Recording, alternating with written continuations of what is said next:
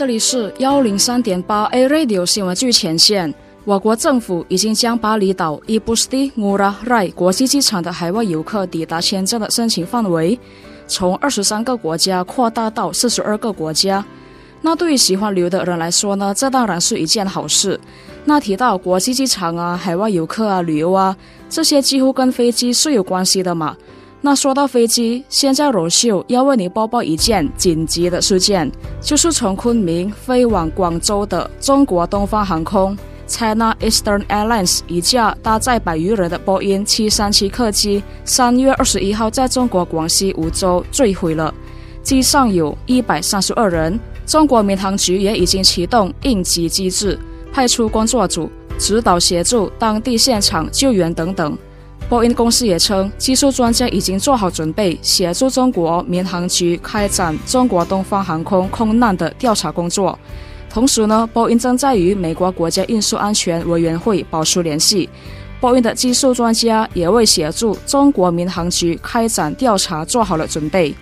最令人伤心的是。救援人员没有发现幸存者的迹象，意思就是机上的所有乘客，包括了人员，没有一个是在事故中幸存的。中国东方航空表示，在中国广西省梧州市附近的飞机失事中，所有乘客跟人员都没有幸免。中国东方航空也对在事故中遇难的飞机乘客跟人员表示了深切哀悼。波音公司也表示，正在努力收集更多的信息。另外，根据 Flight Radar 二十四称，发生事故的是一架使用了六年的波音七三七八零零飞机，可以容纳最多一百八十九人。